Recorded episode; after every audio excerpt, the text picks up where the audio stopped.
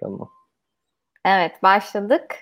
Ee, herkese iyi akşamlar. Ee, ben aslında dün program yapıyordum. Eskisi gibi değil programını yapıyordum. Ama bugün Enes'e konuk oldum ve Enes'ten rol çaldım. Bu programı sunmaya karar verdim. Ee, ve e, bu akşam çok değerli bir konuğumuz var. O yüzden Enes'le dedik ki beraber yapalım bu programı.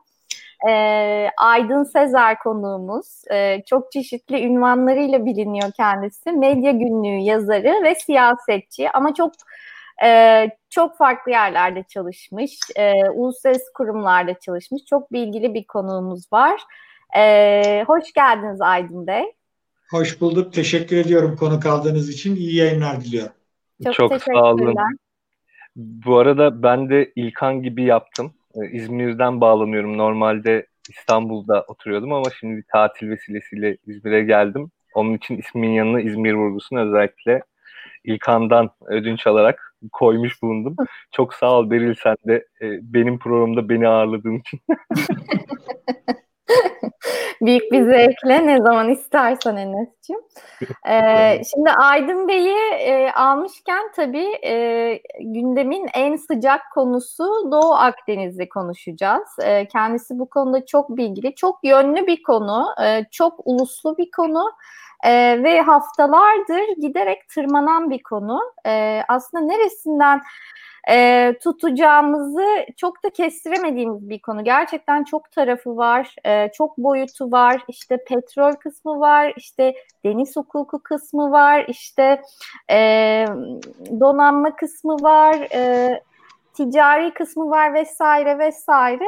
E, o yüzden aslında ben ilk başta şeyi sormak istiyorum Aydın Bey'e. Yani bu Doğu Akdeniz'de işte kıta sahanlığı ve karasulara dair bir gerginlik e, iki senedir ama yoğunluklu olarak son bir senedir tırmandırılmış durumda e, ve Türkiye'de gerçekten aktif olarak bu gerginliğin e, tırmandırılmasında rol oynamış bir ülke. E, ve genelde yorumlar işte ülkelerin e, statüko sağlamaya çalıştığı, masaya oturmadan önce kendilerine bir statüko oluşturmaya çalıştığı, özellikle Türkiye'nin bunu yapmaya çalıştığı yönünde. Sizce Türkiye e, bir statüko sağlayabildi mi bu faaliyetleri sonucunda? E, sağladıysa bu statüko nedir? Ben e, son bir yılda Türkiye'nin e, kendi lehine var olan statükoyu bir anlamda riske atan bir Libya ile deniz alanları sınırlandırma anlaşması yaptığını düşünüyorum.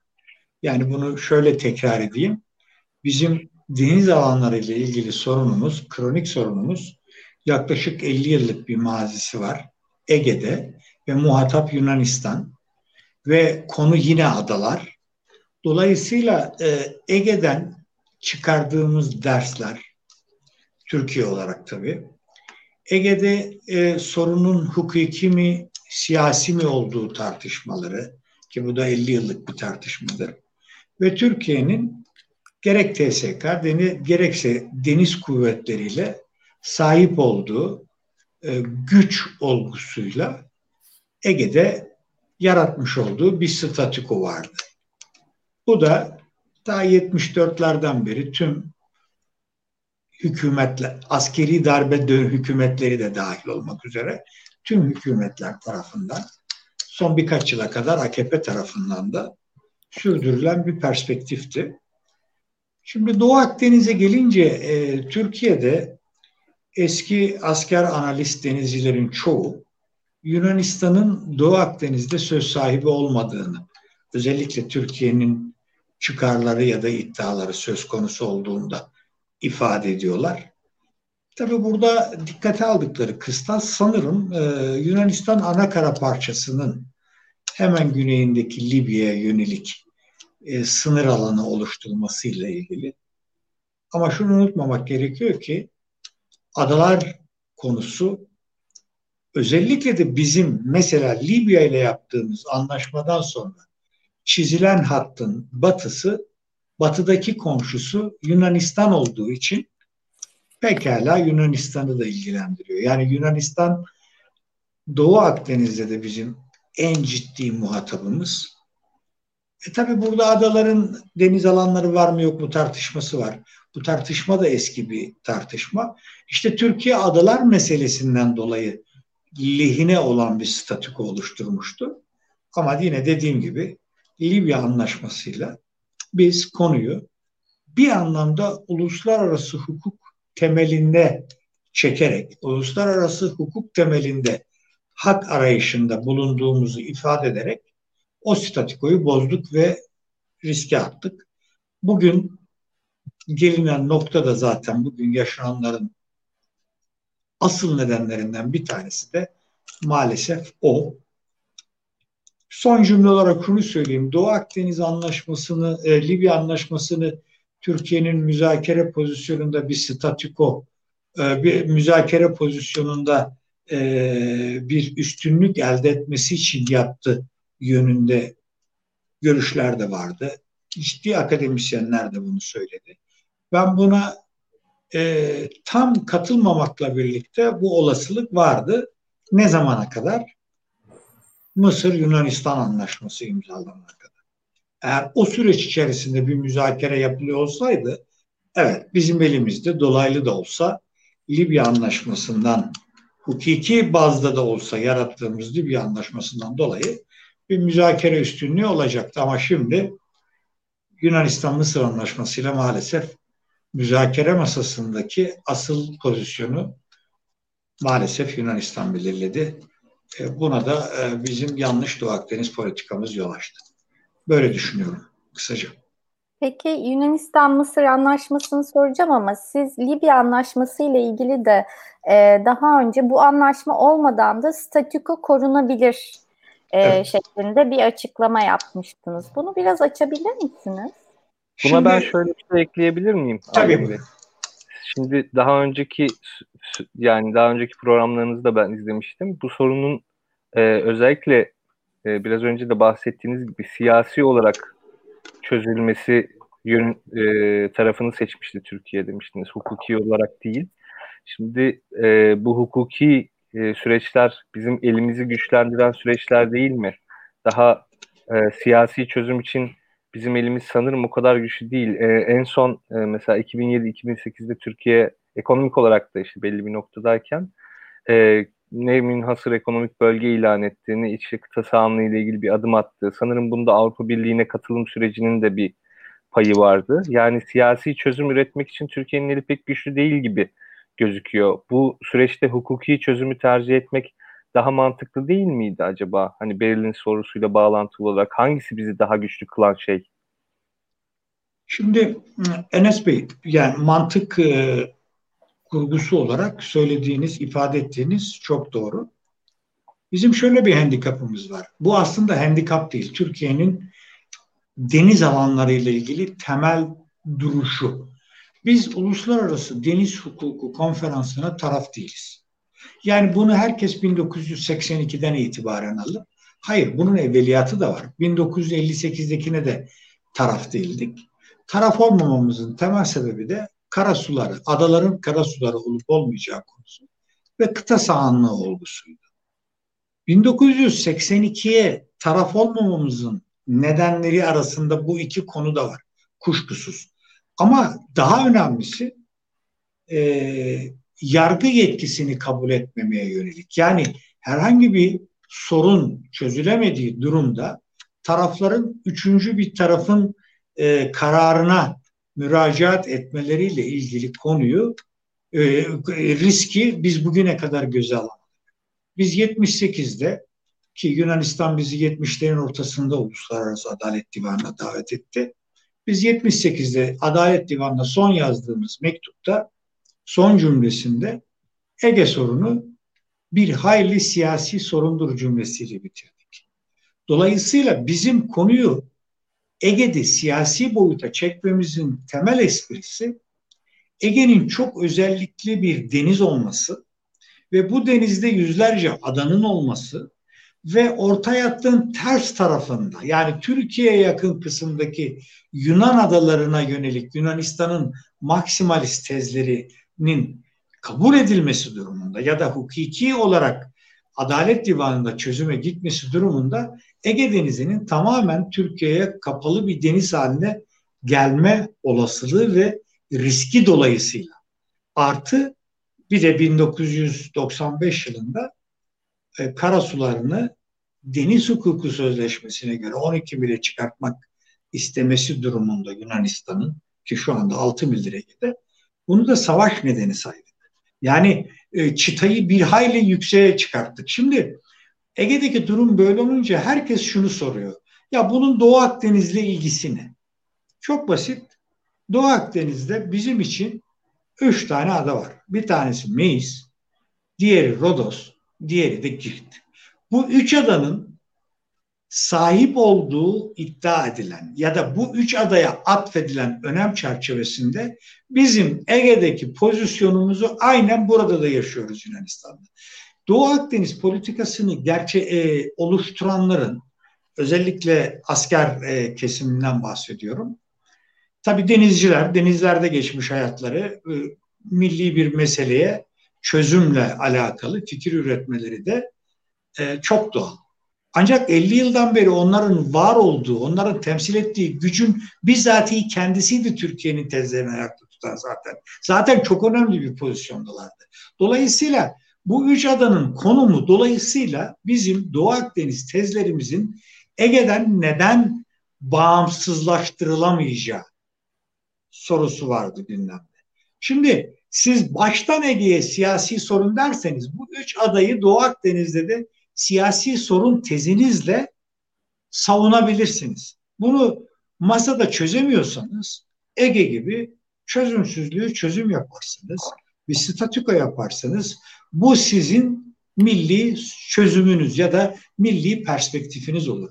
Siz şimdi adaların e, ana kara parçalarının doğal uzantısı tezinden hareketle yani uluslararası hukuktaki tanımıyla natural prolongation esprisinden hareketle bir de üstüne üstlük haritayı da bir derece çevirerek Türkiye'yi Libya ile komşu yapıp Libya ile sınırdaş yaparsanız ve bunu da uluslararası hukuk zeminine oturtursanız o zaman karşı tarafın adalarla ilgili yine uluslararası hukuktan kaynaklanan ki Yunanistan UNCLOS'la Birleşmiş Milletler Deniz Hukuku Sözleşmesi'ne taraf, işin şanssızlığı Kıbrıs Rum Cumhuriyeti taraf, işin şanssızlığı Mısır'da taraf. Bu sözleşmenin 121. maddesi adalarında ana kara parçaları gibi deniz alanları olacağını ifade ediyor. Dolayısıyla bu da hukuk. Yani bu da Yunanistan'ın savunduğu hukuk. Şimdi siz eğer Libya anlaşmasını hukuki temele çektiğiniz zaman şöyle bir sonuç ortaya çıkıyor. Siz hukuki, onlar hukuki. E o zaman bu sorunu mahkemeye götürmek. Ya bu kadar basit. Ya bizim 50 senedir gitmediğimiz mahkemeye muhatap olmak eğer göze alıyorsa Türkiye bunu. Çünkü Libya tezini geliştiren kişilerin son derece uluslararası hukuka vakıf bir şekilde Türk toplumuna uluslararası hukuk anlattıklarını biliyoruz. Yani bana anlatmalarına gerek yok. Ben zaten Türkiye Cumhuriyeti vatandaşıyım. Türkiye'nin milli çıkarı her neyse ben onun yanındayım. Yani uluslararası hukuk benimle tartışmanın hiçbir anlamı yok. Gidin Lahey'de yargıçlara sunum yapın. Uluslararası kuruluşlar nezdinde yapın. Birleşmiş Milletler'e gidin.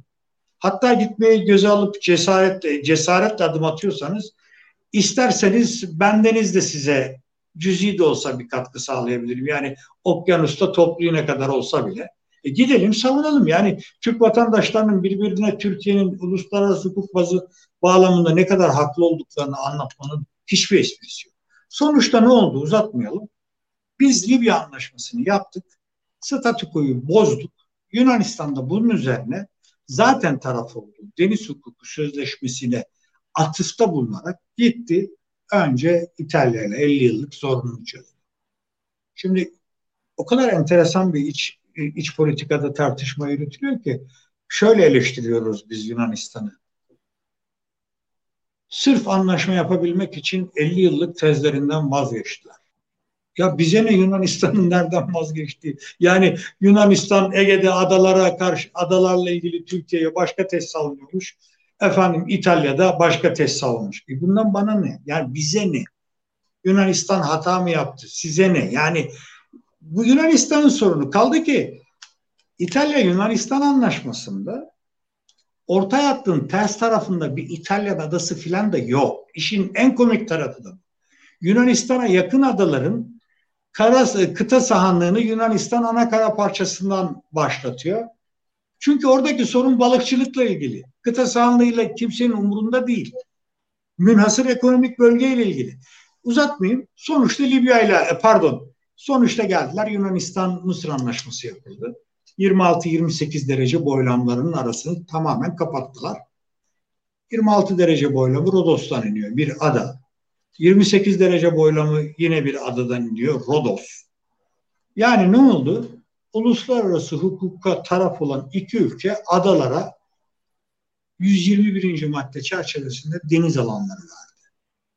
Ve 28 derece boylamı Yunanistan açısından bir sınır oldu. Ve daha Türkçesi şu, Mavi Vatan'ın sağ kolu ve sağ bacağı gitti. Şimdi şunu söylüyorlar. E biz bunu tanımıyoruz. E zaten en başta da tanımayacaktık. Yani en baştaki konum da zaten oydu. O nedenle Yunanistan böyle bir şeye zaten cesaret edemiyor. Çünkü Mısır yani bunun kronolojisini Enes Bey bunun yakın kronolojisini bilmeden bu soruna çözüm üretmeye çalışmak abesle iştigal. Yani yakın derken 50 yıldan bahsetmiyorum. 2003 yılından bahsediyorum. Yani AKP iktidardaydı. Hüsnü Mübarek Yunanistan'a dedi ki tamam Rodos ve Girit'in deniz alanı olabilir. Ben de bu sözleşmeye tarafım. 121 bunu söylüyor. Ama kardeşim dedi meclis olamaz. Böyle bir şey yok uluslararası hukukta dedi. Ve meclisi yine vermedi. Yani 17 senedir vermedi. Şimdi bizimkiler Yunanistan'ı yine eleştiriyorlar. Diyorlar ki 28'in doğusuna geçemedi. Meclis, mecliste hak iddiası geçersiz kaldı. Ya Bunun adam maksimalist tez... yok zaten. Adam zaten maksimalist tezini şey yapıyor. Sizin ne istediğiniz yer Türkiye karasuların içerisinde. Türkiye'nin ana kara parçasının Meis'le ilgili durumunda uluslararası hukuk tezini kullanarak Yunanistan'a laf yetiştirmeye çalışıyoruz. Yani bu o kadar hazin bir şey ki yok efendim 3 kilometreden daha az yakınmış da şöyleymiş de böyleymiş de. Ya geçiniz bunları. Türkiye hala Sakız'ın ve Midilli'nin ötesinde deniz alanı, kıta sahanlığı belirleyip TPA'ya vermiş bir ülke. Yani Sakız'la Girit'in Türkiye'ye bakan yüzünden bahsetmiyorum. Bu iki adanın Ege'nin orta ayak çizgisinden Yunanistan'a bakan tarafına doğru kıta sahanlığı belirlemişiz. Bunu bildirmişiz. Şimdi bu kadar sert ve bu kadar şahin politika varken Meis'i tartışma konusu yapıyor olmak çok açık söyleyeyim bir Türk vatandaşı olarak e, ya bunu da biraz amiyane olacak ama söyleyeyim kanıma dokunuyor ya resmen kanıma. Yani bu Meis dediğiniz adanın Anadolu kıyısından en güneydeki noktasına uzunluğu yedi buçuk mil. Yani ne kadar yakın olduğunu saymıyorum. Adanın en uzak noktası bize yedi yedi buçuk mil. Türkiye'nin Doğu Akdeniz'de karasuları 12 mil. Yunanistan'ın meclis pozisyonunu bizden önce kabul etmeyen Mısır bugün son derece ciddi e, sıkıntılı ilişkiler içinde olduğumuz Mısır. Yani Sisi düşmanlık yapıp tanısa Allah göstermesin ne olacak onu da düşünüyor. Bunu 17 senedir sağlamıyor. Dolayısıyla statüko ile ilgili ya da e, Yunanistan-Mısır anlaşması ile ilgili konulara bakınca hala hukuk temelinde o anlaşmanın geçersiz olduğunu iddia ediyoruz. Net söylüyorum. Mısır Yunanistan anlaşması net bir şekilde hukuka uygun bir anlaşmadır. 121. madde böyledir. Her ikisi de Birleşmiş Milletler Deniz Hukuku Sözleşmesi'ne de taraftır. Eğer bu anlaşmayı hukuka uygun mu değil mi diye tartışacaksak ben Aydın Sezer olarak net hukuka uygun olduğunu söylüyorum. Yani bunun bir anlamı olur mu olmaz mı bilmiyorum. Ayrı konu ama ben bunu söylüyorum. Fakat bizim konumuz uluslararası hukuk değil. Biz onu da tanımıyoruz. Tanımamamız gerekiyor. İki adanın deniz alanı olması o iki sınırın, o iki çizginin, o iki derece boylamın üzerinde 200 tane ada var. 200 tane ada var. Dolayısıyla yani durup dururken başımıza bir iş açtık maalesef bu Libya anlaşmasıyla. Onu da her yerde vurguluyorum. Yani bu anlaşmanın yapılmasının sebebi, hikmeti de deniz hukuku ya da deniz alanlarından falan değil. Libya müdahalesinin altlığıydı. Yani biz Libya anlaşmasını yapana kadar Mısır'la Yunanistan neden Doğu Akdeniz'de bir anlaşma yapamadı? Neden Kıbrıs Rum yönetimi Yunanistan'la bir anlaşma yapamadı? bir statüko vardı. Orada bir güç vardı. Yani bizim bu sayın denizcilerin e, uluslararası hukuk sevdası yüzünden güce dayalı askeri anlamda bu da dış politikanın resmen bir unsurudur son tahlilde. Yani ülkenin milli çıkarlarını savunmak söz konusu olduğu zaman en sonunda müracaat edeceğiniz oldu. Tabii ki silahlı kuvvetler. Kimse bunu istemez ama bu böyle. İşte bu caydırıcılık vardı. Biz o caydırıcılığı kendi elimizle yıktık. Şu anda da 28 e, derece boylamın yani Rodos'tan inen boylamın soluna nasıl geçeceğiz bilmiyorum. Dün Yunanistan'da da kabul edildi bu anlaşma. Biz hala tanımıyoruz diyeceğiz. Avrupa Birliği'nin sınırı oldu. Avrupa Birliği de diyecek ki ya tanımıyorsanız çok normal. Buyurun mahkemede çözün diyecek. Onun mahkemeye gittiğiniz anda da o zaman adalar başlayacak yukarı doğru. E, işin bir de çok garip şöyle bir tarafı var. Bir, yani gözden kaçırılan bir aslında unsur var. Bizim Libya anlaşmamızın hukukiliğiyle Mısır Yunanistan anlaşmasının hukukiliğini karşılaştırdığımız noktada şeyi görüyoruz. Evet ulusal mutabakat hükümeti Birleşmiş Milletler tarafından tanınıyor ve biz anlaşmayı onunla imzaladık ama e, oradaki meclis de aslında tanınıyor. Yani Şimdi, oradaki meclis bu anlaşmayı onaylamamış durumda. Yani Libya'nın meclisi Enes Bey, bu anlaşmayı onaylamadı. Şimdi Enes Bey e, sorun e, zaten spesifik olarak Libya müdahalesi ya da spesifik olarak Doğu Akdeniz değil. Sorun aslında Türk dış politikasının son dönemlerdeki bu artık klişe bir ifade haline geldi. İdeolojik temelli, önceliklerden yoksun ve e, tırnak içinde core values olan yurtta sulh cihanda sulh ilkesi yerine özellikle de askerlerin de müdahalesiyle ki bu askerlerin neredeyse birkaç tane hariç kendisini her zaman Mustafa Kemal'in askeri olarak da lanse ederler. İşin bir de böyle enteresan tarafı var. Ee, gerçeklikten uzak bir dış politikayla işte Libya e, boyutuna geldik onu tartışıyoruz. Ama Libya'dan önce bizim bir Mısır sorunumuz var. Bizim bir İsrail sorunumuz var. Bizim Güney Kıbrıs Rum yönetiminin deklare ettiği parseller ve deniz alanları sorunu var. Ki o sorunu da Türkiye'nin ana kara parçasıyla, Anadolu'yla aynı sorunmuş gibi lanse etme gibi de bir başka kusurumuz da var. Yani birbirinden tamamen alakasız iki ayrı konu var. Birisi uluslararası hukuk temelinde Kıbrıs'ta çözülecek bir konu. Burada elimiz güçlü. Birleşmiş Milletler kararları var. Adada iki eşit siyasi toplum olduğunu yönelik. Burada müzakere boyutunu seçmemiz gerekirken gittik orada siyasi bir yöntem denedik. E, kendi kendimize parselleri ilan ettik. Ederken de iki tanesini yanlışlıkla boş bıraktık.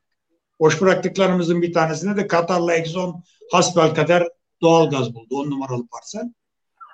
Doğu Akdeniz'de siyasici sorun onu da uluslararası hukuk temeline çektik. Yani böyle bir şeyi gerçekten bak çok samimi olarak söylüyorum hani bak filan ifa ağzından kaçtı. Samimi bir ortamda konuştuğumuzu e, düşünerek söylüyorum. İzleyicilerden özür dilerim.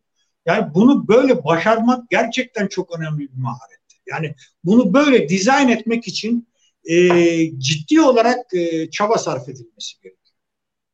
Onu da sarf ettik herhalde ki böyle bir sonuçla karşı karşıyayız. Ne Kıbrıs'ta, ne Libya'da, ne Doğu Akdeniz'de e, işte bugün Merkel'in açıklamalarını okuyorum. Biz diyor Yunanistan'ın arkasındayız. Yani olmayan bir seyir haritası üzerinden bir düşman ve tehdit algısıyla Türkiye adım attı. Bunun tırnak içinde söylüyorum altlığı oldu. Yani e, justification'ını yaptı iktidar. Hükümet e, bunu yaptı. Muhalefet hemen zaten destek verdi. CHP ve İyi Parti'den bahsediyorum. Tırnak içinde milli birlik beraberlik adına. Libya konusu bir başka boyutu var Libya'nın. UMH'nin meşru hükümet olduğu olgusu doğru. Bu 23 Aralık 2015'te ilan edildi. 2559 sayılı Güvenlik Konseyi kararıyla. Fakat dayandığı temel belge Süheyret Anlaşması'ydı. O anlaşmanın süresi de iki yıllıktı. Birinci maddenin dördüncü bendinde aslında bir yıllık yazar ama ortak bir yürütme komitesi kurulamazsa bir yıl daha uzar yazar. Ama hangisi önce olursa da o zaman da sona erer yazar. Zaten Hafter ve Agile Saleh de o anlaşmayı meşru saymadıklarını ifade ediyorlar. Zaten şöyle bir komiklik de var. Yani bu, bu resmen komedi, uluslararası ilişkiler açısından. Birleşmiş Milletler Güvenlik Konseyi kararlarına daimi temsilciler itiraz etmediği sürece alabiliyor. Malum. Seraj'ı meşru ilan eden Suriye, e, pardon Rusya ve Fransa ve Amerika. Şimdi Amerika hemen vazgeçmiş, Hafter'i desteklemiş son bir, bir buçuk yıla kadar. Bugün Fransa ve Rusya Hafter'i destekliyor Serraj'a karşı. Biz de Serraj'ın uluslararası hukuk nezdinde meşru olduğunu Rusya ve Fransa'ya karşı anlatmaya çalışıyoruz. Yani bir araya girip tekrar bir karar alsalar ne yapacağız onu bilmiyorum. Kaldı ki siz de ifade ettiniz doğudaki meclis UMEH'den daha önce meşru sayıldı Birleşmiş Milletlerce ve Süheyret Anlaşması 8. madde F bendi yanılmıyorsam Seraj'ın imzalayacağı her türlü uluslararası e, anlaşmayı ve sözleşmeyi Agile Saleh'in meclisinin onaylaması gerekiyor yürürlüğe girmesi için. Onlar bunu onaylamadıkları gibi Hafter bir de vatan haini ilan etti bu anlaşmayı imzalıyor. Ama bütün bu hikaye bir tarafa şöyle bir şey de var. Yani Yunanistan deniz hukuku sözleşmesine taraf olduğu için yarın Libya ile yapacağı deniz alanları sınırlandırma anlaşması ki oldukça uzun. Bu yani Mısır'la yaptığı anlaşmanın ucundan Libya ile yaptığı anlaşmanın Akdeniz'deki ucuna kadar gidecek bir çizgi. Libya'yı çağıracak burayı çiziyoruz. At imza. Libya hayır mı dedi. Buyur kardeşim uluslararası adalet divanı. Çünkü Libya iki kez uluslararası adalet divanına gitmiş geleneği var Malta ve Tunus. Dolayısıyla bu konuya uluslararası hukuk perspektifinden ki ben asla bakmıyorum ve asla da tasvip etmiyorum. Oradan baktığımız zaman da sıkıntılar var. Yani bunu hukukçu olmaya gerek yok. Tabii ki e, bir hukuk mantığıyla bunu hukukçular çok daha inceler ama Uluslararası Deniz Hukuku Sözleşmesi'nin ilgili maddelerine bakılınca işte adalar konusu, zorunlu yargı yetkisi, kıta sahanlığı, karasuları hepsi çok kolay anlaşılabilir. Kaldı ki bunları biz ders olarak aldık üniversitede. Yani o kadar da hani bir nosyon fakiri de değiliz. Hayır, e, bir şey soracağım. Yanılmıyorsam siz sırada Yunanistan'la Güney Kıbrıs arasında bir e, anlaşma imzalanması hamlesi var demi, diye yazmıştınız. E, ben şeyi merak ediyorum. Hani Güney Kıbrıs e, Rum e, yönetimiyle Yunanistan'ın bu sıkı ilişkilerine rağmen neden şimdiye kadar bir anlaşma imzalanmadı aralarında? Statüko, Türkiye'nin tepkisinden çekinme, artı eğer o anlaşmayı Mısır anlaşmasından önce yapsalardı, Mısır'la bu anlaşma bu koordinatlarda yapıldığı zaman o anlaşmanın sıkıntılı maddeleri ve sıkıntılı e, perspektifi ortaya çıkacaktı. Yani şunu söyleyeyim, Yunanistan hani ne kadar severiz sevmeyiz, ne kadar düşmandır bize ezelden beri ayrı konu. E, fakat e, sadece Yunanistan değil, Kıbrıs Rum kesimi de öyle. Mısır da öyle. Mısır haricesinde hasbelkader yakından biliyorum. Yani uluslararası hukuku hem iyi biliyorlar, hem iyi takip ediyorlar, hem de attıkları imzanın boşa gidip gitmeyeceğini de ölçüyorlar, biçiyorlar. Dolayısıyla şöyle bir şey yapamadı Yunanistan ben hemen Kıbrıs'la bir anlaşma yapayım. Zaten Türkiye'nin Kıbrıs'la çakışan alanlar sorunu var. Bu da ayrı bir sorun. Yani bunu da ayrı zamanı gelince tartışırız gelirse. Dolayısıyla bu bir hamle boyutuydu. Şu anda Türkiye'nin eli 28 derece boylamın sağında tırnak içinde uluslararası hukuk açısından Yunanistan'la Güney Kıbrıs Rum Cumhuriyeti arasında bir anlaşma yapılamayacağına yönelik bir perspektif e, var. Yani e, o zaman nasıl geçecek 28'in sağına sorusu var ama şu var. Her ikisi de yine Kıbrıs'ta Yunanistan'da Deniz Hukuku Sözleşmesi'ne taraf olduğu için burada yargıya gittiği zaman boşa çıkacak bir anlaşma olsa bile bunu daha büyük bir müzakere bunu daha ciddi bir müzakere pozisyonu olarak deneyebilirler. E, evet ben böyle düşündüğümü belirtmiştim ama e, asker denizciler de aynısını e, tweetle onlar da belirttiler. Yani paralel düşündüğümüz belki tek konuda bu oldu. Ee, Ama şey bunun, daha... bunun bunun uluslararası hukuk açısından geçerli olup olmadığı konusunu olay olup olmayacağı konusunu bana sorarsanız hiç kuşkusuz Mısır kadar olmayacak. Çok net. Ee, bir şey daha merak ediyorum. Yani bu Doğu Akdeniz'deki gerginlikte Türkiye'ye en sert tepkileri gösteren Fransa. Fransa'nın Akdeniz'deki çıkarı ne, pozisyonu ne? Neden Türkiye'ye en sert tepkiler hani gerektiğinde Yunanistan'dan daha sert tepkiler verdiğini görü- görüyoruz. e, Fransa'nın oradaki çıkarlarını ve hedeflerini e, açıklayabilir misiniz acaba? Şimdi ben tabii Fransa'nın Avrupa Birliği içerisinde oynamak istediği rol ya da özellikle askeri anlamda e, Avrupa'nın Avrupa Birliği'nin e, bir e, dominant ülkesi yani Almanya'nın bugün ekonomik ve siyasi açıdan sahip olduğu rolü Fransa'nın askeri alanda oynamak istemesine falan girmeyeceğim. Yani oralarda bayağı detay var. Sizler Hı-hı. kuşkusuz benden çok daha iyi biliyorsunuz. Ama e, zaten Macron'un NATO ile ilgili e, işte beyin ölümü gerçekleşti gerçekleşmedi gibi bir sorgulaması da var. Yani bir anlamda Macron belki de e, Tabii o da Fransız hariciyesinin e, birikimini ne kadar kullanıyor, ne kadar oradaki monşerleri dinliyor bilmiyorum ama kendi ekibiyle, kendi perspektifiyle belki de e, ABD'nin NATO içerisindeki e, konumunu da sorgulamaya çalışan, bu vesileyle ön plana çıkmaya çalışan bir boyutu var.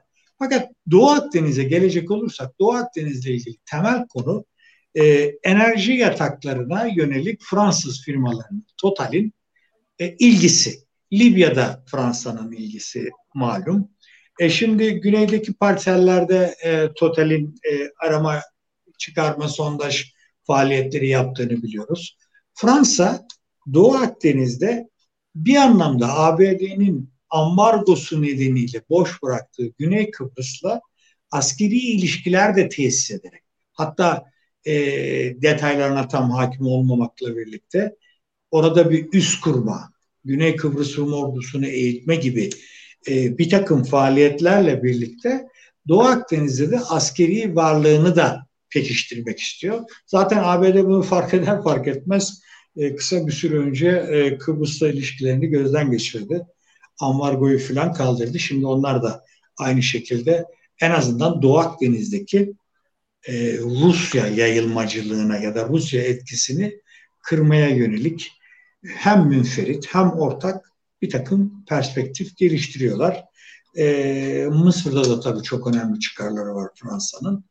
E, unutmayalım ki Süveyş'te e, İngiltere ve Fransa'nın ABD'nin gelmiş ta 50'lerden gelen bir başka perspektifte var. Ama uzatmayalım. Yani Afrika denilince Fransa'nın emperyal politikası özellikle de 1970'lerden itibaren Lome 1, Lome 2 konvansiyonlarıyla Afrika'daki sömürgelere yönelik iktisadi yaklaşımları, Avrupa Birliği'nin Akdeniz politikası, Avrupa Birliği'nin komşuluk politikası filan üst üste koyunca e, son cümlede de zaten emperyal ifadesinde kullandıktan sonra artık Fransa'ya buralarda ne işim var demenin e, pratikte pek bir anlamı olmuyor. Maalesef olmuyor. Bir de bu ülke Birleşmiş Milletler Güvenlik Konseyi'nin daimi üyesi. Unutmamak gerekiyor. İşin şöyle garip bir tarafı da var işin içinde Libya var ama bir şekilde İtalya yok. Normalde İtalya'nın olmasını bekleriz.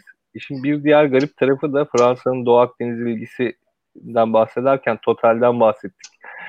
Yani şu anda da Türkiye'nin Total operasyonlarını OYAK yürütüyor. Yani Ordu Yardımlaşma Kurumu yürütüyor. Yakın zamanda Türkiye Total'i OYAK satın aldı bir şekilde. Böyle e, aslında bunların hepsinden bahsederken biraz da belki şeyden de bahsetmeliyiz diye düşünüyorum. Yani bu işin ekonomi politiği ne? Ya biz hep böyle bir Türkiye'nin iç politikasına yönelik dış politika dizaynını eleştiriyoruz. E, büyük ihtimal zaten çok çok büyük ihtimal bu işin ekonomik yönüyle ilgili çok bir perspektif yok. Yani işte buradan çıkacak gazın, petrolün, şunun bunun işte ne kadar sürede çıkartılacağı, işte nasıl çıkartılacağı, e, bunu çıkarmak için kimlerle ortaklık kurulması gerektiği, bahsettiğiniz bu Güney Kıbrıs'ın güneydoğusundaki belirlediğimiz alanlarda 10. bölgenin nasıl olduysa bir şekilde e, boş bırakılıp Katar'ın orada gaz bulması vesaire gibi konuları pek konuşmuyoruz ekonomi perspektifinden. Belki biraz o konular yani biraz böyle ekonomiden de bahsedersek bu işin ekonomisinden ben sevinirim. Tabii. Ben de belki bir şeyler eklerim. Çok memnun olurum. Şimdi e, Enes Bey, Doğu Akdeniz enerji kaynakları açısından dünyanın en zengin bölgesidir. Yalanıyla başladı bütün hikaye. İşte yok Amerikalı bilmem ne dergisi Doğu Akdeniz'de şu kadar trilyon metreküp doğalgaz yatakları, petrol yatakları var demiş. Tabii kaynak resource'la rezerv arasındaki fark, tahmin edilen kaynak veya rezervle en son tahlilde ticarileşecek miktar arasındaki fark. Yine bir asker generalimiz TCF yani trilyon kübük feet'i BCM milyar metreküp olarak hesaplayıp Doğu Akdeniz'de 572 yıl bize yetecek gaz var şeklinde bir makale de yazdı. Ha diyebilirsiniz ki bu bir insan hatasıdır, önemli değil. Hayır çok önemli. İletişim Başkanlığı da bunu Rusça'ya çevirip Putin'e dosya olarak verdi. 8 Ocak 2020'de İstanbul'da. Onu Ruslar da medyaya dağıttılar. Rus medyasına dağıtıldığı zaman zaten doğal olarak hani ben Türk vatandaşıyım ama daha iyi kaynaklarım var yurt dışında. Bu da böyle bir şey olsun dipnot. Tabii Putin o metni okuduğu zaman Ruslar güldü. Putin de gülmüştür mutlaka. Doğu Akdeniz'de 572 yıl Türkiye'ye gaz yetecek gaz var demek. Yani Mısır'ın gazından size ne? İsrail'in gazından size ne? Hani Kıbrıs tamam bizim olsun, tamamı bizim olsun. Orada da fazla yok. Yani Katar'ın gazından ya da Rusya'nın gazından bize neyse Doğu Akdeniz'deki Mısır ya da İsrail'in gazından da bize ancak o kadar pay düşebilir. Bu tabii Doğu Akdeniz politikasını ve mavi vatan tırnak içinde doktrinini şekillendirirken kullanılan enstrümanlardı. Müthiş Doğu Akdeniz'de enerji kaynakları var. Şimdi bugün 3 pars 3 e, e, sondaj yapıldı Güney Kıbrıs'ta bulundu. Kalipso e, Afrodit ve Glaucus Mısır'da Sor ve etrafında Yunanistan'da e, pardon e, İsrail'de de Leviathan ve Tamar.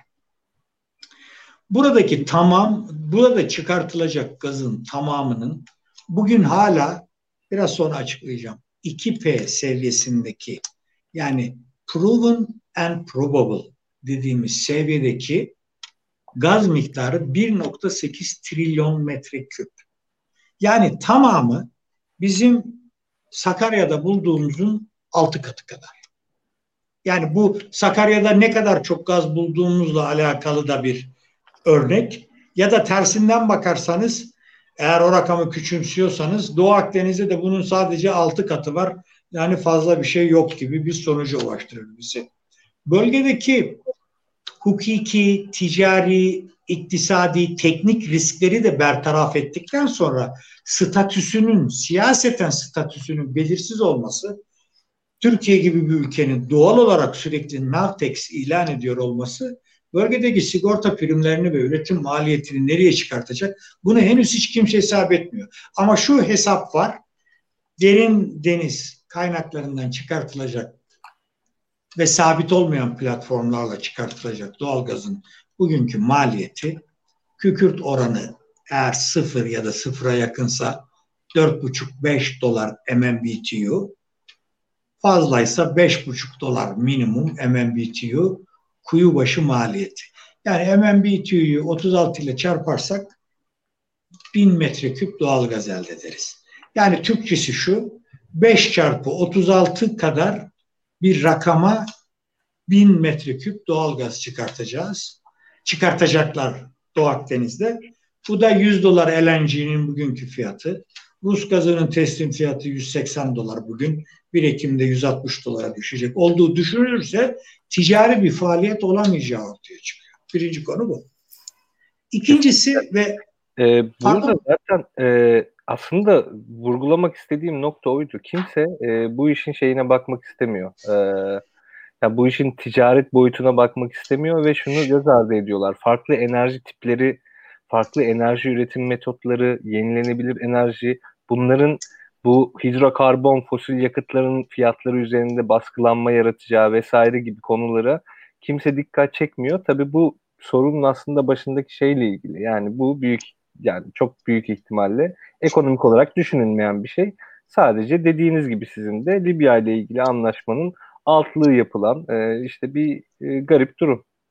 Şimdi e, çok doğru söylüyorsunuz. Ee, tabii enerji tasarrufu ve özellikle petrolün ya da doğalgazın yüzde altmışının enerji, hidrokarbon enerjinin yüzde altmışının ulaşım sektöründe kullanıldığını kullanıldığını düşünürsek elektrikli araç yani bizim yerli milli otomobil de olacak. Yani talebin düşmesine yönelik beklentiler ayrıca. Bir de böyle bir şey de var. Şimdi bizim bu Doğu Akdeniz e, enerji kaynakları ile ilgili hesaplar tabii ki e madem böyle bu kadar uluslararası şirket neden orada arama yapıyor? Neden onları devletleri koruyor gibi çok zekice bir soruya muhatap bırakıyor bizi. E onların şu anda bu petrol fiyatlarının düşük olduğu seviyede bilançolarını, e, rezervlerini, firma büyüklükleriyle ilgili hususları gözden geçirmeye çalışmaları kadar doğal bir şey olamaz. Ha bugün petrol fiyatları 120 dolar seviyesine çıkarsa oradaki enerji de çok feasible ve ekonomik olacak. Onu da söyleyeyim. Yani o zaman da çıkartırlar eğer öyle bir zaman gelecekse. Ama biz kısa vadede yorumu bir tarafa bırakalım. Yani bu Aydın Sezer'in ya da sizin e, şahsi görüşünüz olarak kalsın. İşin gerçeğine sahadan bakalım. Doğu Akdeniz'deki gaz yataklarının tümü bir araya gelmeden bir işe yaramıyor. Bunu bir defa İsrail söylüyor. Diyor ki böyle küçük küçük kuyulardan 100 milyar metreküp, 127 milyar metreküp, 600, 750 bunları münferiden bir şekilde ekonomik olarak değerlendirmek mümkün değil. Bunların hepsini bir araya getirmemiz lazım. Ve diyorlar ki bunu bir araya getirdikten sonra da bu bölgeden dışarıya çıkartabilmenin tek bir koşulu var. Türkiye. İki nedenle çok büyük bir pazar. 50 BC 50 milyar metreküp gaz kullanıyor. İkincisi Avrupa'ya giden hatlarla ilgili eşsiz bir coğrafi özelliği var. Türkiye'siz bu iş olmaz diyor ve Türkiye ile bu işi ben nasıl müzakere ederim de diyor. Geliyor 2015-2017 döneminde önce devlet şirketi BOTAŞ'la görüşüyor.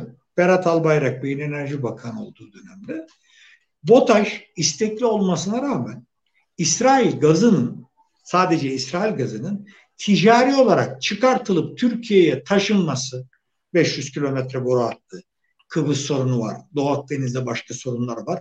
Ticari bulmuyor. Yani ekonomik değil diyor. Hani Kıbrıs sorununa atıfta yapmıyor. Yani şöyle demiyor. Ya ben bunu yaparım ama Kıbrıs sorunu var. Böyle bir şey demiyor. Ekonomik bulmuyorum diyor. O taş masadan çekiliyor. İki tane dev Türk şirketi konsorsiyum kuruyor iki kez kapa bildirimde bulunuyorlar. Diyorlar ki biz İsrail gazını Türkiye'ye getireceğiz. Müzakere yürütüyoruz. Onlar da başaramıyorlar. Şimdi bu işin matematiği ya da bu işin tekniğiyle ilgili sahada, sahada böyle somut bir gelişme de var.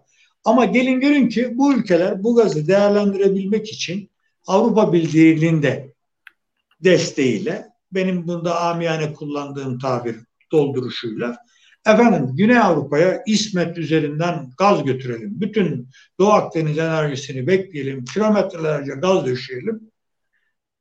İşin en komik tarafı bu hattı da ciddiye alan tek ülke Türkiye oldu yeryüzünde. Yani hani e, bu kadar uzun, bu kadar yatırım maliyeti olan, zaten kuyubaşı maliyeti çok pahalı olan bir gazın buradan Avrupa'ya gidip Rus gazıyla Libya gazıyla. Libya'dan İtalya'ya gaz gidiyor. Bor hattı var. Cezayir elencisiyle. Bırakın Cezayir'i 100 dolara satılan Amerikan elencisiyle bu rekabet edemez. Ya böyle saçma sapan bir proje mi olur? Herkes söylüyor. Bunu bütün Güney Kıbrıslı enerji uzmanları da söylüyor, Yunanlılar da söylüyor, Avrupalılar da söylüyor. Ama biz diyoruz ki biz Libya anlaşmasıyla bu boru hattının önünü kestik diyoruz. Kaldı ki uluslararası hukuka göre kıta sahanlığı ve münhasır ekonomik bölge varsa bile bu bölgeden geçecek petrol veya doğalgaz boru hatları ya da haberleşme kabloları zaten sizin yetkinizde değil. Tabii sizden bir çevre mülazasıyla izin isteyecekler ama eninde sonunda vereceksiniz. Tıpkı Danimarka'nın kuzey akıma verdiği gibi. Yani uluslararası hukuk da bunu engellemiyor. Böyle bir şey diyor. Ama biz o ismeti o kadar çok ciddiye aldık ki bu da Türkiye'deki yani eskiden kamuda çalışan enerji uzmanı, boru hatları uzmanı arkadaşlarımızdan dinlediğim e, ya dinledim demeyeyim de onların ne kadar üzüldüklerini ve acı çektiklerini gördüm. Bu İsmet'i neden Türkiye'den başka hiçbir ülke ciddiye almıyor da biz bunun üzerine böyle bir iç politika malzemesi yapıyoruz. İşte Sevil Üniversitesi haritası ki yok böyle bir şey çok net. Sevri, sev gibi Sevil'de bozduk gibi böyle gazete manşetleri parçaladık, böldük, çarptık, topladık. Yani bu e, yaklaşımlar tabii amacı. Bu Sevil Üniversitesi haritası ile ilgili yani bence onu vurgulamak lazım. İnsanlar onu ciddi bir harita falan Hayır o harita çok ciddi. O bir akademik, Tam tersine.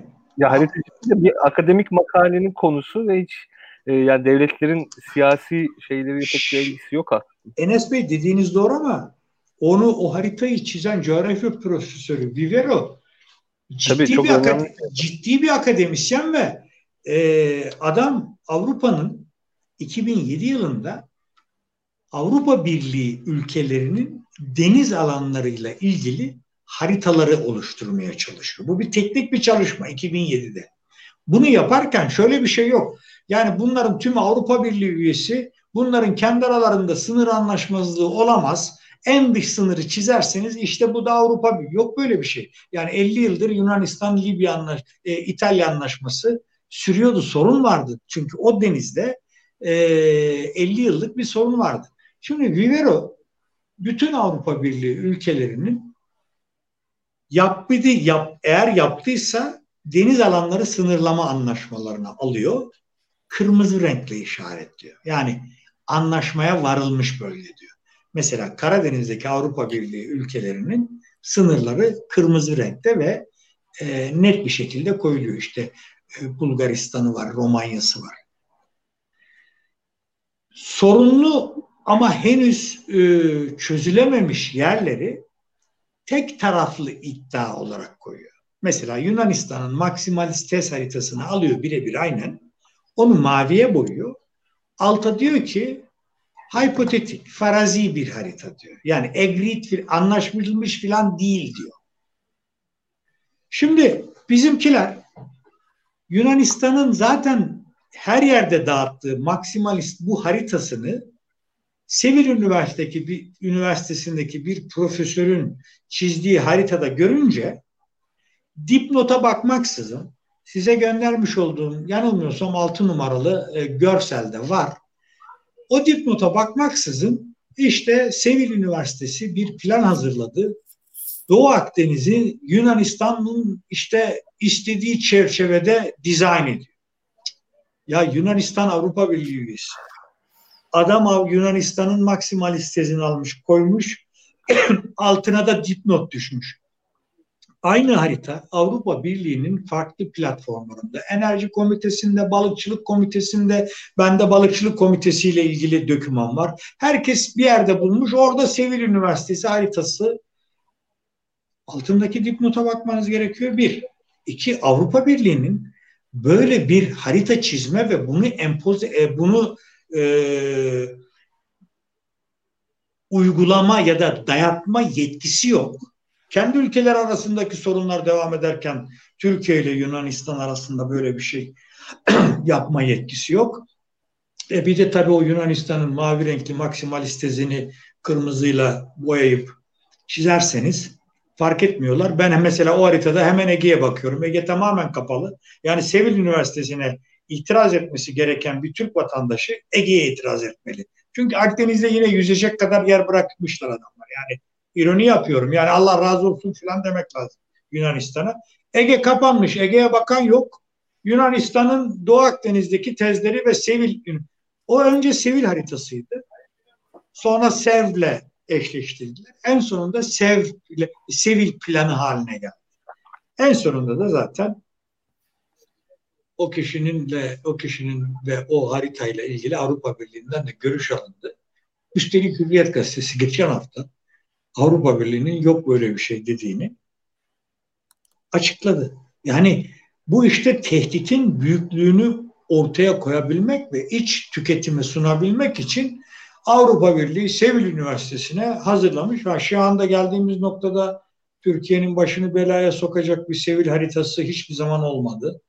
Hiçbir zaman olmadı. Olmuş gibi davranıldı. Ama size net söyleyeyim şu anda bizim başımızda daha ciddi bir harita var. Bahçeşehir Üniversitesi haritası var. Çünkü bu harita Türkiye Cumhuriyeti Devleti'nin e, en son 18 Mart 2020'de yani 5-6 ay önce Birleşmiş Milletler'e belirttiği kıta sahanlığı sınırlarını farklı gösteren bir harita. Alternatif bir harita. Korsan bir harita. Ya da daha net söyleyeyim mavi vatancıların uygun gördüğü bir harita. Yani geçen gün Yunan e, gazeteci o haritayla soru soruyor bana. Ya diyor siz tamam Libya'yı yaptınız. İşte. Şimdi Lübnan'la mı yapacaksınız? Siz İsrail ve Filistin'le de mi yapacaksınız? Şimdi bizimkiler soruyorsunuz 10 ve 11 numaralı parseli neden boş bıraktınız Kıbrıs'ta? Orayı Mısır'a vereceğiz diyorlar. Ya bu uluslararası hukuk öyle bir ülkeye ben canımın istediğiyle deniz alan anlaşması yaparım istemediğimde yapmam. Ben Mısır'sam hem Türkiye ile hem Kıbrıs'la hem Yunanistan'la yapabilirim. Ben aralarından seçiyorum. Böyle bir şey yok. Eğer bunu yaparsanız Yunanistan'da, Kıbrıs'ta uluslararası adalet devam edecek. Zaten taraf deniz hukuku sözleşmesi. O iki parseli Mısır'a vermek için boş bırakmışız. Fakat Katar petrol çıkartıyor, doğalgaz çıkartıyor. Şimdi bu argümanın Mısır'dan haberi var mı bilmiyorum. Aradan 17 sene geçmiş. Mısır hiç madem benim verin demiyor. Üstüne üstlük 11 numaralı parselden bir de hat çekilmiş. O da Filistin'e ve şeye gidiyor.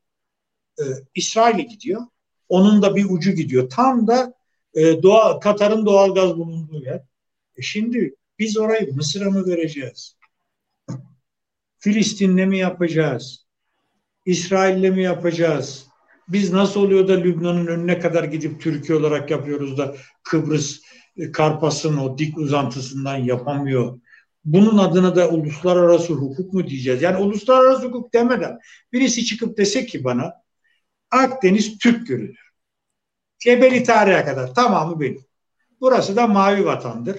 Söylenecek hiçbir laf yok. Açık söyleyeyim. Kesinlikle yani ne diyebilirsiniz ki böyle güç de bende, ordu da bende, TSK da bende. Savaşsa savaş kardeşim. Akdeniz bir Türk gölüdür. Benim tezim de budur dese yani tam söylenecek... Or- tam orada bir soru sormak istiyorum aslında. Bu son e, AB ile yaşanan gerilim üzerine seyircilerimizden de e, geliyor. Son soru onlardan gelen bir soru olsun. Hem bu AB'nin e, gerginlik azalsın yoksa yaptırımlar gelebilir uyarısını sormak istiyorum. Hem de bu e, Türkiye'nin de buna karşı hani bizim kıta sahanlığımız içinde istediğimiz e, hidrokarbon aramamıza kimse karışamaz e, kimse buna engel olamaz gibi karşı e, cevabı yanıtı. E, ne diyorsunuz siz nasıl yaptırımlar gelebilir Türkiye'ye o noktaya varacak mı? E, ve daha da kızışıp sıcak bir çatışmaya varabilir mi? Hatta burada bir e, izleyicimiz sormuş e, gemilere el konulmasından bahsediliyor. Böyle bir şey olabilir mi diye. E, siz ne diyorsunuz? Son sorum da bu olsun size. Şimdi Avrupa Birliği Doğu Akdeniz'deki gerilimle ilgili olarak öncelikle tansiyonun düşürülmesine yönelik bir strateji izledi. E, Sayın Merkel bu konuda devreye girdi ve Temmuz'daki Navtex'in bir ay ertelenmesini sağladı. Söz konusu olan sadece bir Navtex'ti. E, ve bu Navtex de tam olarak 28 derece boylamın sınırında bitiyordu. Yani onun batısında kalıyordu. Şimdi bizim 18 Mart 2020 yılında 20 tarihinde BM'ye belirttiğimiz bildirdiğimiz kıta sahanlığı sınırları içerisindeydi. Bir defa bunun altını çizelim. Şimdi biz bunu geri aldık ama bir hafta sonra Yunanistan-Mısır anlaşması imzalandı. Bu biz geri aldığımız için imzalanmış bir anlaşma değil. Bir defa bunun altını çizelim. Birisi Navtex, birisi iki egemen ülke arasında yapılan bir anlaşma. Ve 26-28'i tamamen kapattı. Şimdi Avrupa Birliği son tahlilde Yunanistan'la e, Türkiye arasında ara buluculuk yapmak, tansiyonu düşürmek, Doğu Akdeniz'de gerilimi düşürmek gibi adımlar atıyor olsa da son tahlilde son tahlilde bir üye devletin deniz alanlarıyla ilgili arka çıkmak ya da destek vermek zorunluluğu içerisinde. Merkel'in bugün söylediği bu. Çünkü Avrupa Birliği'ni Avrupa Birliği yapan perspektif de tam olarak bu zaten. Bunu da bunu da bize çoğu yöneticimiz ya da e, e, askerimiz hatırlamaz.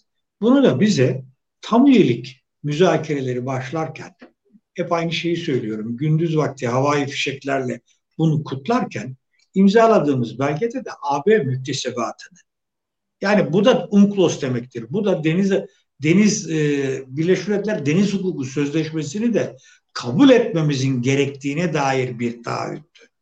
Güney Kıbrıs limanlarıyla ilgili de taahhütler vardı. Dolayısıyla bu şu anda unutulmuyor. Çünkü e, Türkiye'de Avrupa Birliği iktidarın ne zaman işine gelirse bir vurguyla geçiştiriliyor. Ama daha çok batan, çöken, köhne, Türkiye'yi istemeyen Hristiyan kulübü gibi uzatmayayım. Avrupa Birliği Türkiye'ye yönelik bir yaptırım kararı alacaksa ki bunu daha önce Güney Kıbrıs'taki gemilerle ilgili olarak da almıştı.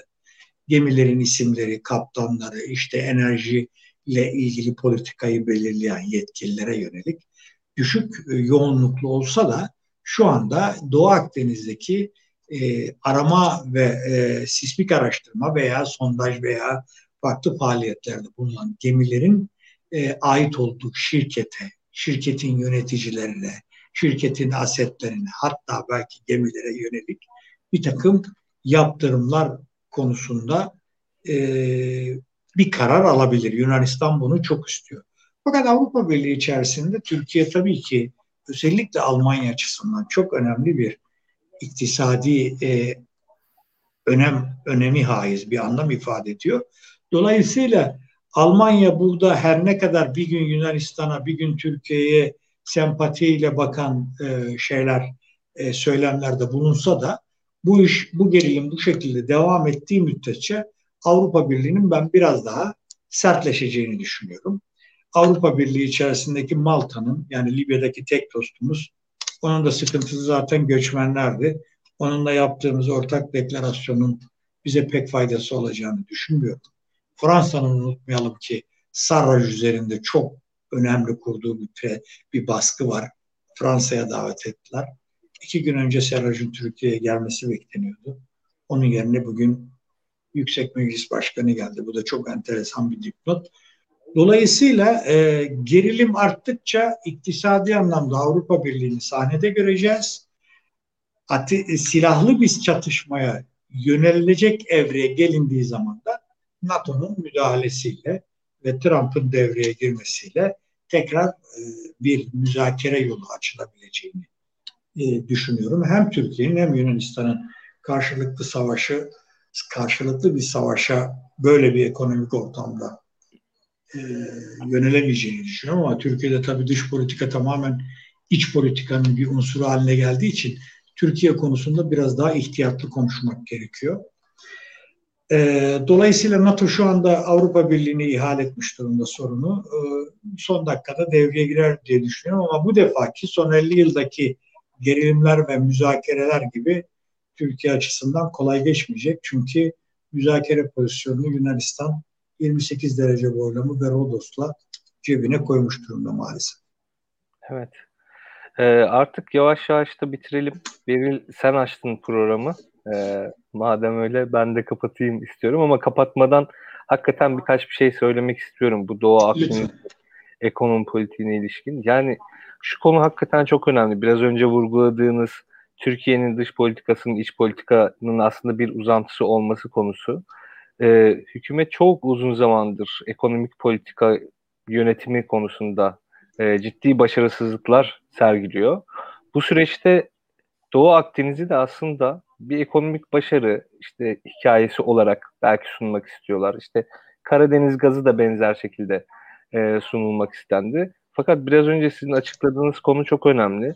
E, Doğu Akdeniz'deki gaz kaynaklarının ekonomik olarak bir anlam ifade etmesi için ya gaz fiyatlarının ve e, petrol fiyatlarının çok yükselmesi lazım ya da oradaki e, gazın hani çok ticari olarak kullanılabilir işte sabit platformlardan vesaire çıkartılabilmesi lazım. Bu Türkiye açısından şöyle bir sonuç doğuruyor.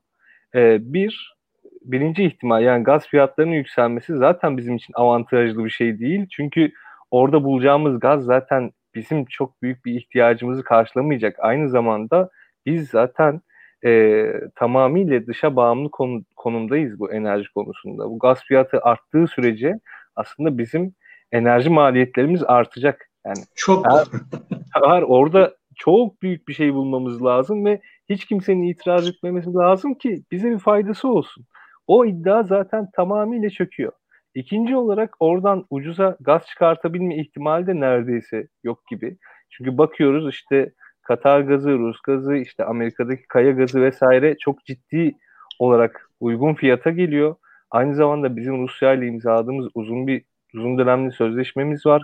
Yine bu Doğu Akdeniz'in ekonomi politiğinden bahsederken bir enerji aslında ekonomi politiğinden bahsediyoruz ve Türkiye bir transit ülke bu gaz geçiş noktasında hem Azerbaycan hem işte Kazakistan hem e, Rusya konusunda. Yani biz bence burada çok irrasyonel davrandık ekonomik olarak.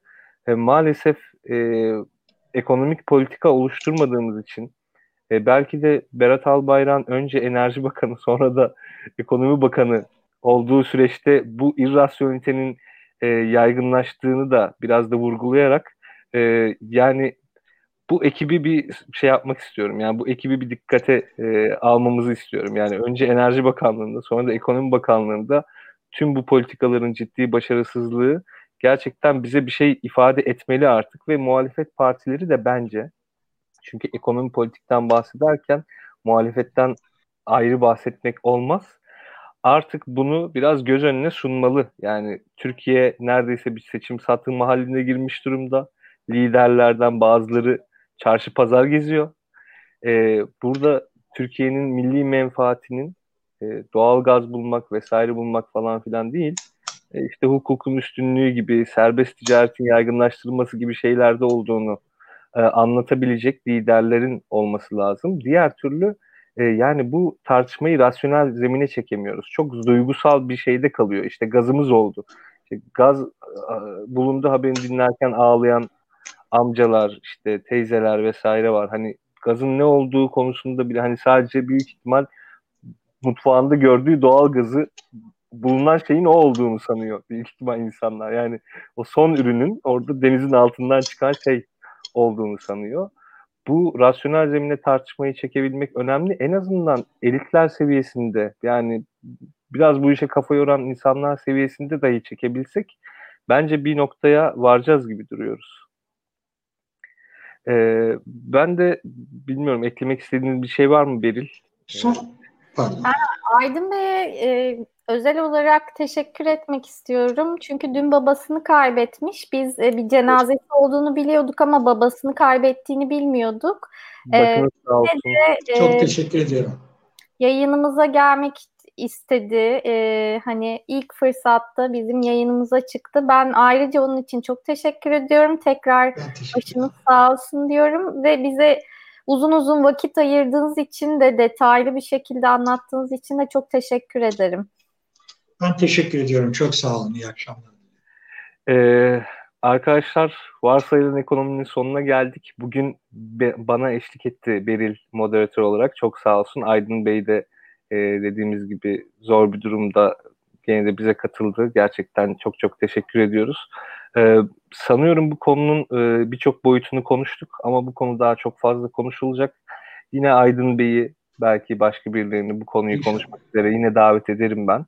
Ee, Varsayılan Ekonomi'nin bu bölümünün sonuna geldik. Haftaya yeniden karşınızda olmak istiyorum. Ee, ama bir tatilde olacağım. Belki de olamayabilirim yani. Kesin söz vermiyorum. Artık çok sıkıldık çünkü bu sıcaktan. Biz Beyl Hanım'la yaparız. evet aynen. aynen. Bakalım. Ee, bu arada ilk defa bu programı izliyorsanız hani kanalımıza abone olmayı unutmayın. Ee, Birçok programımız var. Diğerlerine de göz atabilirsiniz. Aşağıda da bir Patreon linki var. Belki ona da bir bakmak isteyebilirsiniz. Hoşçakalın. İyi akşamlar.